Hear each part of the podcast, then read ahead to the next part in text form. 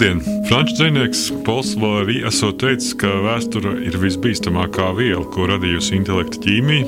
Tā izraisa sapņus, apreibina veselas tautas, raida tām aplams atmiņas, pātrina refleksus, neļauj sadzīt vecām brūcēm, vajā miegā, noved pie lielumānijas vai vajāšanas kompleksa un padara tautas rūkumu un augstprātības pilnas. Saruna par vēsturi vienmēr ir arī saruna par mūsdienām. Mēs pēdējā laikā ar vien biežāk esam dzirdējuši frāzi vēsture mēdz atkārtoties, turpinām kārtot attiecības ar pagātni. Likums par labas gribas atlīdzinājumu ebreju kopienai Latvijā no jauna uzjundīja jautājumu par Otro pasaules karu un atbildību. Un vēsturiskajiem notikumiem šajā reģionā pieminekļi latviešu leģionāriem Beļģijā, Zeļgalmē pārcelšanu, Krievijas prezidenta ambīcijas impērijas atjaunošanai tiek salīdzināts ar Ivanu III vai Katrīnu II, un kā arguments, kā viņa rīcības skaidrošanai tiek minēta arī PSRS atjaunošana. Saimnes priekšādātāja rosinājusi veidot īpašu komisiju sarežģītu vēstures jautājumu risināšanā. Radījumā Brīvības bulvārs šoreiz saruna ar Latvijas Universitātes Filozofijas un Socioloģijas institūta vadošo pētnieku Kasparu Zelli par vēsturi mūsdienās. Sveiks, Kaspar! Sveiks! Kā tas ir, ka tas, kas šobrīd notiek, patiesībā ir vairāk vēsture, tas ir likumsakarīgi. Nu, tas man liekas, ir mums tāda šķietamība rodas no tā, ka mēs mēģinām apzināties un ieraudzīt tās lietas, kas ir bijušas pagātnē, un pārnest tās uz tagadni. Faktiski tā mūsdienu pasaule un tas, ko mēs redzam tuvējās kaimiņu valstīs, zināmā mērā mums atgādina varbūt kaut ko no tā, ko mēs esam varbūt eh, mācījušies skolā no teorijas grāmatām ja, par autoritāriem, totalitāriem režīmiem, par to, kā režīmi evolucionē. Ja, tagad mums ir gandrīz vai teiksim, mēs redzam ļoti lielas līdzības ar to, kas notiek kaimiņu valstīs. Ja, tad rezultātā es domāju, mums arī rodas šī ilūzija, ja to, ka vēsturē tūlīt atkārtosies. Bet, eh, nu, ko māca vēsture? Es atceros, eh, bija tāds eh, slovēņu režisors joks, kur viņš teica, ka vēsture māca to, ka nedrīkst ticēt vēsturniekiem. Tā ir.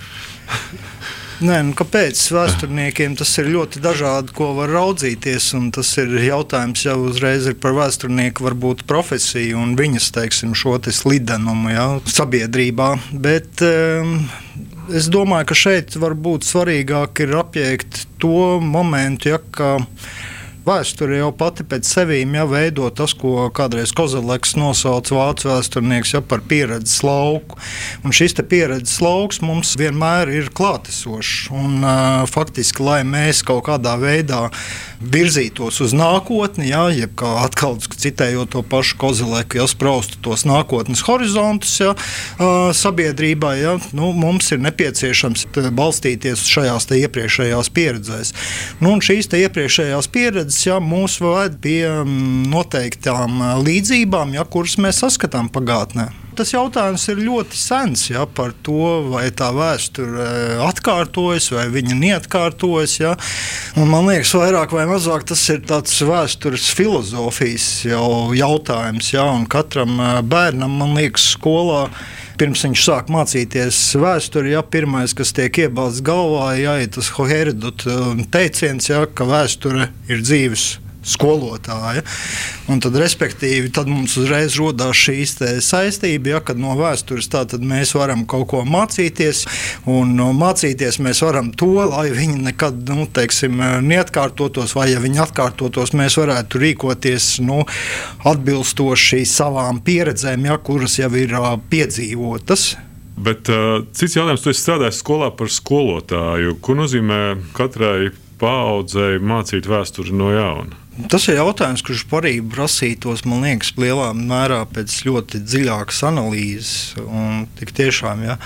Jo man jau liekas, ka skolā es strādāju laikam gadus 20 kaut kādus, jā, paralēli arī augstskolā. Un, Un te bija tas jautājums, ja, kas likās, ka nu, faktiski ir kaut kāds etaps, kad tu, kad tu pats audz un tu mainies kā cilvēks, ar savām zināšanām. Ja? Jo visgudrākais es biju tad, kad es beidzu bakalaura vēstures. Un pēc tam ar katru grādu, kas man nāca klāt, es sajūtos tikai vēl stulbāks, un man radās daudz neatbildētāku jautājumu, ar ko es mēģināju tikt galā. Jā. Un faktiski šīs sarunas un tā pasniegšana, ja zināmā mērā palīdzēja arī teiksim, apzināties un uzklausīt to, ka ir piemēram citi stāsti. Un bieži vien mēs, teiksim, savu laiku strādājām Franču licejā, mums bija tāds uzdevums, ko mēs liku mm, veikt skolēniem, ka viņi uzklausīja savu vecāku vai vecāku dzīves stāstus, un tad viņi mēģināja salīdzināt ar to, ko mēs esam mācījušies vēstures stundās. Tad viņiem vajadzēja meklēt kopīgās un atšķirīgās lietas un mēģināt tās pamatot. Un tur sanāca ļoti interesantas lietas. Un, un tad tiešām var raudzīties uz dažādām praksēm. Es gan viņiem solīju, ka es nekad nestāstīšu nevienam, ko viņi uzrakstīja, ja, un to es esmu pilnījis. Ja. Bet tur ir bijuši arī teiksim, stāsti, ja, kas ir uh, skatīti nu, no padomu laika elites puses. Ja. Cilvēks mēģināja saprast, kāpēc tas, ko viņam māca vēstures stundās, ja, īpaši sakrīt ar to, ko viņi viņam stāsta varbūt vecais tēvs. Vēsturi nevajag mācīt kā kaut kādu noteiktu nacionālu mītu. Ja? kas ir ļoti raksturīgs autoritārām sabiedrībām. Bet viņam patiešām jābūt eh, stāstam, ja, kurš spēj uzrunāt, un kurš spēja likt cilvēkam domāt, kāpēc tas tā notika, kādas ir tās cilvēku izējas. Un šajā pašā laikā ja, saskatīt ja, visā šajā vēstures juceklī to savu ģimeni, savu dzimtes pieredzi. Klasiskā 19. gadsimta vēstures disciplīna, kas radās kopā vai pat pirms nacionālās valsts, par savu mērķi sprauda politikas apkalpošanu Leopolds Fonrānke atzīmēja, ka vēstures uzdevums ir no iepriekš notikušu notikumu virknes izprast valsts būtību. Savukārt politikas uzdevums ir šo izpratni tālāk attīstīt līdz pilnībai. Šāds skatījums uz vēsturi apšauba individu tiesības ne tikai pašam domāt, bet arī pašam rakstīt par pagātni. Tas noraida tiesības uz savu personīgo pagātni, uz subjektīvām un unikālām atmiņām. Tā savulaik žurnālā Rīgas laiks rakstīja vēsturnieks Kaspars Zēlis.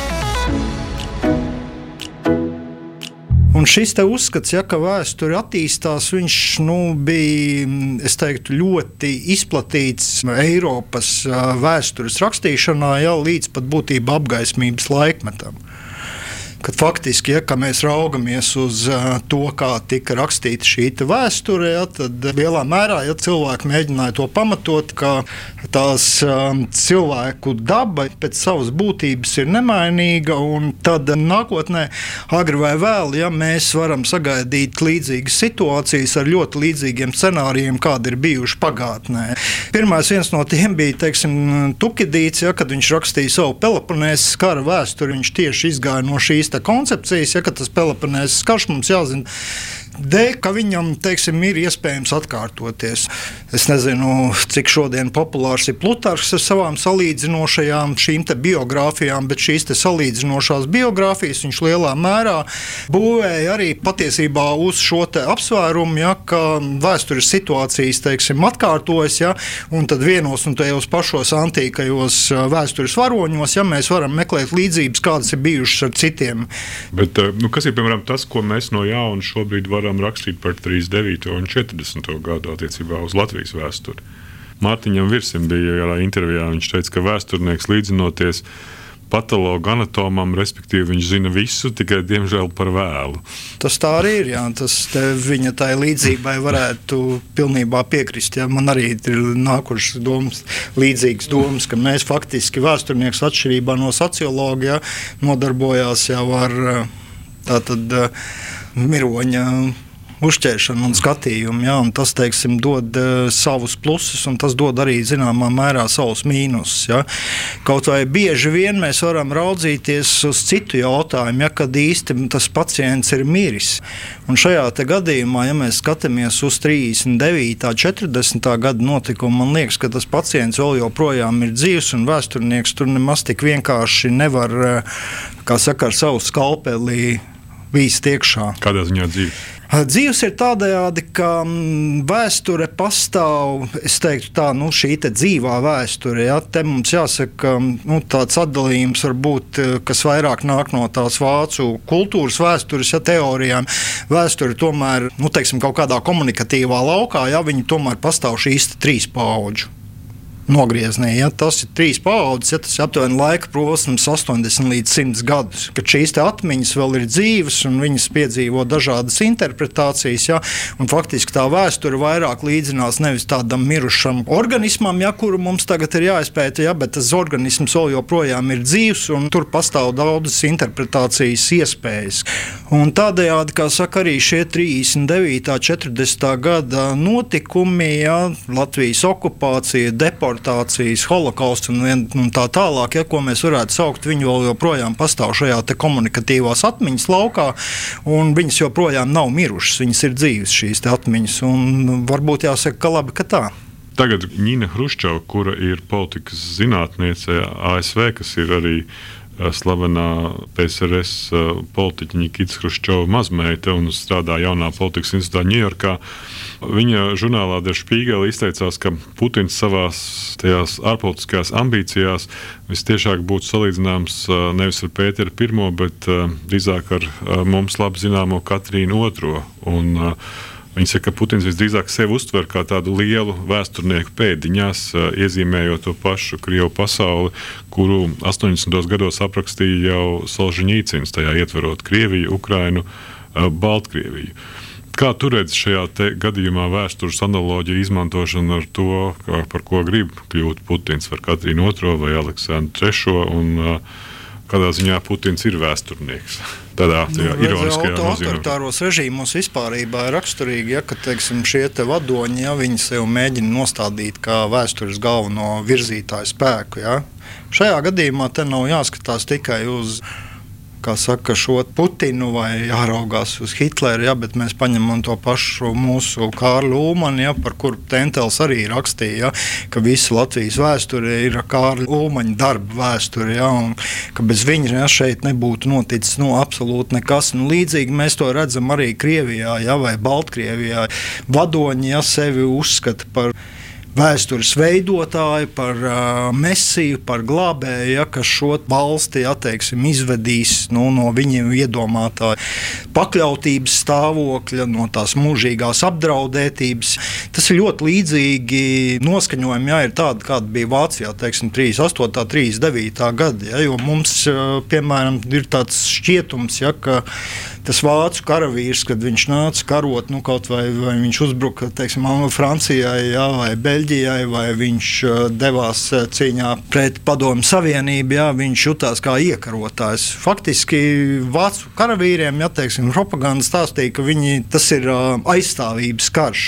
Vācija bija spiesta. Ja, dēļ šī starptautiskā spiediena, ja, vienkārši lai pastāvētu, Vācija bija spiesta ja, šo karu uzsākt, lai netiktu iznīcināta. Un tas, ko mēs šodien redzam, teiksim, Putina, Krievijas eh, retorikā, tas eh, ļoti stipri man vairāk atgādina nevis Katrīnu II vai Pēteru I, bet gan Adolfu Hitleru ja, šajā 30. gadu beigās. Radījums Brīvības Bulvārs. Sarunas par to, kas notiek un ko mēs par to varam domāt. Liela daļa vēsturnieku atzīst, ka nu, Baltijas jautājums izlēma Maskavā un Berlīnē. Un pašreiz šajā starptautisko un diplomātsko sarunu kontekstā, kas notiek, izskan šis jautājums arī par šo vēstures atkārtošanās. Šķiet, ka viena no Molotova-Ribbentropa pakta kādām psiholoģiskajām sekām ir bažas, ka arī mūsdienās lielvaras varētu aizmuguriski lemt par vienas vai otras Austrumēropas valsts neatkarību. Tā skaitā Baltijas. Mēs redzam, ka nu, tur Šalts dodas tikties ar Baidenu, Makrons ar Putinu. Uh, kā parasti skata, ja, ka ir eksistē tā saucamās lielās civilizācijas, ja, un eksistē kaut kādas arī perifērās civilizācijas. Tās perifērās civilizācijas var pastāvēt tikai tik ilgi, ja, kamēr tās uh, lielās civilizācijas ir vai nu novājinātas, vai nu nonākušas teiksim, citas ietekmes zonās. Ja. Tad, kad agrāk vai mazāk ja, šīs civilizācija līdzsvars tiek izjaukts, tas nozīmē beigu šīm perifērajām civilizācijām. Un es te negribētu varbūt salīdzināt to, ka mēs esam kaut kāda perifēra civilizācija, vismaz šodien no starptautisko tiesību aspekta, ja, jo tomēr mēs esam Eiropas Savienības dalība valsts, ja, kas, es domāju, mums ir varbūt lielākais drošības garants, kāds mums vispār ir iespējams, ja mēs vairs neesam nu, vieni paši atstāti saplosīšanai lielvalstu starpā. Jo faktiski vienošanās uz mūsu rēķina, ja, agri vai vēl, tas ir vienošanās attiecībā pret pašu teiksim, šo te Eiropas Savienību. Man liekas, šo jautājumu nu, nedrīkst izslēgt. Ar Ukrajinu ir savādāk. Ukraina teiksim, ir tik tiešām pašlaik atstāta viens pret vienu, mēs varētu teikt, gandrīz ar Putinu. Ja? Tas vai varētu tikt vai nevarētu notikt kaut kāda lielvalstu vienošanās attiecībā pret Ukrajinu, ja? ir tiešām biedējoši. Un šādas vienošanās vienmēr ir pastāvējušas visā vēstures gaitā. Un, um, nu, kā saka, Nu, ja mēs pieejam tām pašām vēstures eh, teorijām, ja, tad kā Marks kādreiz, kad viņš oponēja teiksim, Hēgelim, nevis oponēja, drīzāk interpretēja Hēgeli, ja, viņš teica, ka vēsture atkārtojas divreiz, vienreiz kā traģēdija, otrais kā fars. Ja. Nu, tad jautājums ir par to, tiešām, vai šajā gadījumā, ja, Ukraiņas krīzes gadījumā, un meklējam to arī izsināt, ja, tik tiešām neizsauks kaut kādu farsu, vai mēs atkal nepiedzīvosim kaut kādu jaunu nomierināšanas politiku, ja? vai mēs patiešām neesam iemācījušies neko no tā, ka nomierināšanas politika neko citu nedod, kā tikai iespēju agresoram vēl vairāk nostiprināties, ka pret agresoru nevar uh, bieži vien. Uh, nu, teiksim, rīkoties ar um, diplomātijām un starptautiskajām tiesībām pieņemtajām metodēm, nu, tas ir jautājums.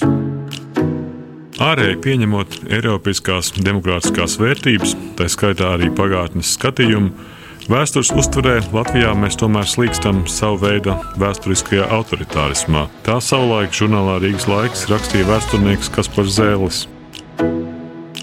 Savulaik pavisam netik sen, ja, piemēram, tāds franču vēsturnieks Frančiskais Torks, viņš radīja teiksim, tādu jaunu konceptu, ja, kas izsauc arī zinām viļņošanos vēsturnieku aprindās. Ja, tas ir jautājums par to vēsturisko režīmu ja vēsturiskās rakstīšanas režīmu teiksim, izpratni. Tad viņš skatoties uz to, kā, uz ko balstījās tieši šī vēstures rakstīšana, ja, viņš atzina, ka šobrīd, ja, vairāk vai mazāk pēc 89. gada, pēc Berlīnas mūra krišanas, mēs vairāk vai mazāk vēsturi izmantojam nu, teiksim, šodienas kaut kādu vajadzību apmierināšanai. Respektīvi, tas, ko viņš nosauca par prezentisma režīmu, ja, viņš vairāk vai mazāk šo vēsturi izmanto tikai lai pamatotu šobrīd nepieciešamās um, aktualitātes. Un raugoties uz 40. gadu, ja mēs bieži vien aizmirstam, man tā liekas, analizējot to 43, 9, 40. gada notikumus, ka mums ļoti vajadzēja uzmanīties jā, tiešām no šīs padomju savienības. Tas pierādījās praksē, bet šie lēmumi un skatījumi vairāk vai mazāk ir veidoti a posteriori. Tātad faktiski jau pēc notikušā fakta. Ja mēs ņemam to pašu laiku, 39, 40 gadu, ja, tad vairums Latvijas iedzīvotāju, tā skaitā arī Latvijas armijas ģenerālštāps, ja, tomēr par ienaidnieku numuru viens uzskatīja nacistisko Vāciju. Un šajā gadījumā arī rodas šie jautājumi, ja, cik lielā mērā nu, tā vēstures izmantošana, ja, ko mēs lietojam šodien, ja, atbilst nu, tiešām tai vēsturiskajai izpratnē, ja tai vēstures rekonstrukcijai, ja tik tiešām reāli būtu jāpastāv ja, teiksim, nu, uz 39. vai 40. gadu, kā cilvēki to uztvēra. Un, zināmā mērā, ja mēs runājam par vēstures demokratizāciju, ja vēstures demokratizācija sevī ietver arī šo citu iekļaušanu ja, un citu balsu sadzirdēšanu šajā vēstures narratīvā. Diemžēl tas jāsaka līdz šai dienai, ja es neesmu īpaši redzējis, ja mēs šos citus kaut kādā veidā mēģinātu iekļaut šajā nacionālajā vēstures stāstā. Mēs vairāk vai mazāk pretojamies, un mums tas liekas, ka tas apdraudēs mūsu pašu identitāti, ja mēs iekļausim. Domāt, citus etnosus. Citus, Te var būt runa ne tikai par etnosiem, jā, par etnosiem arī. Man ļoti interesanti savulaik mēs veidojām arī projektu par to, kāda ir citu etnosu, ja dotajā gadījumā Latvijas, Krievu un Čigānu ja, teiksim, attiecības ar šo, tā skaitā arī ar vēsturi. Ja. Un šajā gadījumā man vairāk nācās skatīties, kāda ir bijusi mūsu reakcija, ja, tad, kad Krievi sāk veidot kaut kādus narratīvus par to, nu, piemēram, par kaut kādu krievisko Rīgu, ja, vai katrai etniskajai grupai ir um, tendence ja, meklēt, pamatot savu vēsturiskumu, mēģināt viņu atrast kaut kādā noteiktā dzīves vietā. Ja.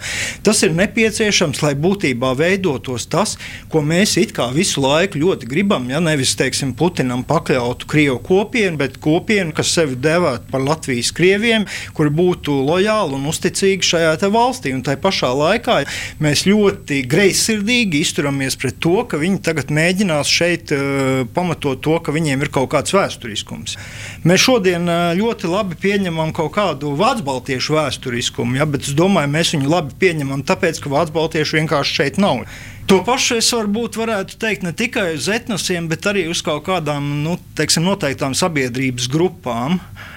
Un kā piemērs var būt, savulaik mēs strīdējāmies ar Askoldu Saulīti par uh, to, ka viņš uzņēma šo filmu atmodas antoloģiju, ja tā filma vēl bija tapšanas procesā. Ja, un, Un mēs tā bieži teiksim, aprunājam arī dažādas lietas. Eh, tad viņš uh, gribēja teiksim, arī to manu viedokli redzēt uh, par to filmu. Tad es teicu, ja, ka manuprāt, ja tur trūkst viena cita varoņa, ja, viņam varoņi tie ir politiskā elite, kas savā būtībā ir iznesusi ja, visu to atmodas teiksim, smagumu un radījusi neatkarīgu valsti. Ja. Manuprāt, teiksim, tas varonis vairāk ir tas cilvēks ar radioaparātu pie auss kas uh, atmodas laikos bija bieža parādība uz Rīgas ielām. Tas bija cilvēks, kas uh, gāja uz mītiņiem, kas dziedāja Daugau malā, ja, kas vēlāk stāvēja uz barikādēm, bet tas cilvēks kaut kur pazuda. Viņu nav.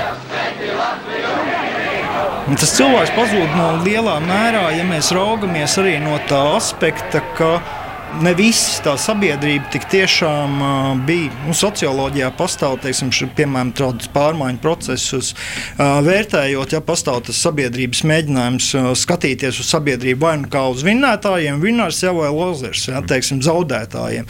Un um, mums, piemēram, pazūd ja, arī šie zaudētāji.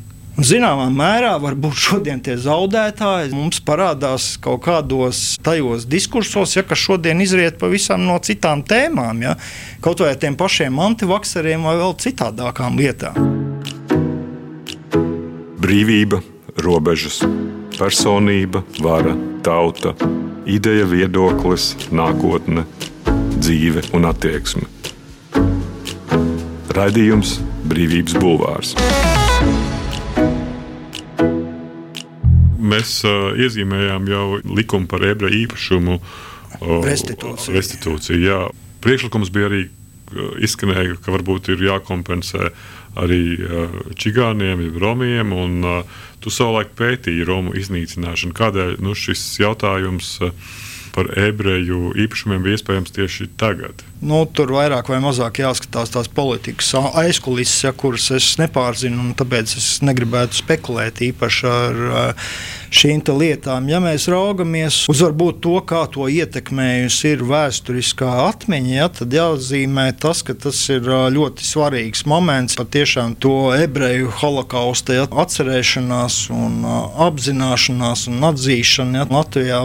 Viņi ir zināmā mērā spērusi šo soli ebreju restitūciju institūcijas ja, likuma pieņemšanā. Bet uh, man vienmēr kaut kā. Sapcīt, šis bija viens no jautājumiem, kur mēs bijām spiesti Eh, revidēt savu izpēti ja, pēc iestāšanās NATO un Eiropas Savienībā? Pirms iestāšanās jā. NATO, jā, jā, protams, holokausta izpēte bija. Jo salīdzinoši no vēl viņi parādījās. Jā, tas ir tikai Latvijas... 90. gadu beigās, ja, tad, kad uh, faktiski šis jautājums pacēlās. Mm. Jo pirms tam jau mums bija viens, teiksim, vairāk vai mazāk tomēr viens pētnieks, Andrievs Ezergails, ja, kas izdeva savu grāmatu, jā, un uh, turpmāk ja, šīs skatījums par to, kas tad īsti notika Latvijas provincijā provincēs, kas notika Latvijas pilsētās un tā tālāk, jau viņi faktiski risināja tieši Latvijas vēsturnieku komisiju savos pētījumos. Protams, kā vienmēr, ja, kas nu, jāatzīmē, ja, ka holokausts mums tik tiešām kļuva par vienu no visvairāk izpētītākajām tēmām Latvijas vēsturē, bet, ja es paraugos šodien uz holokausta pētniecību Latvijā.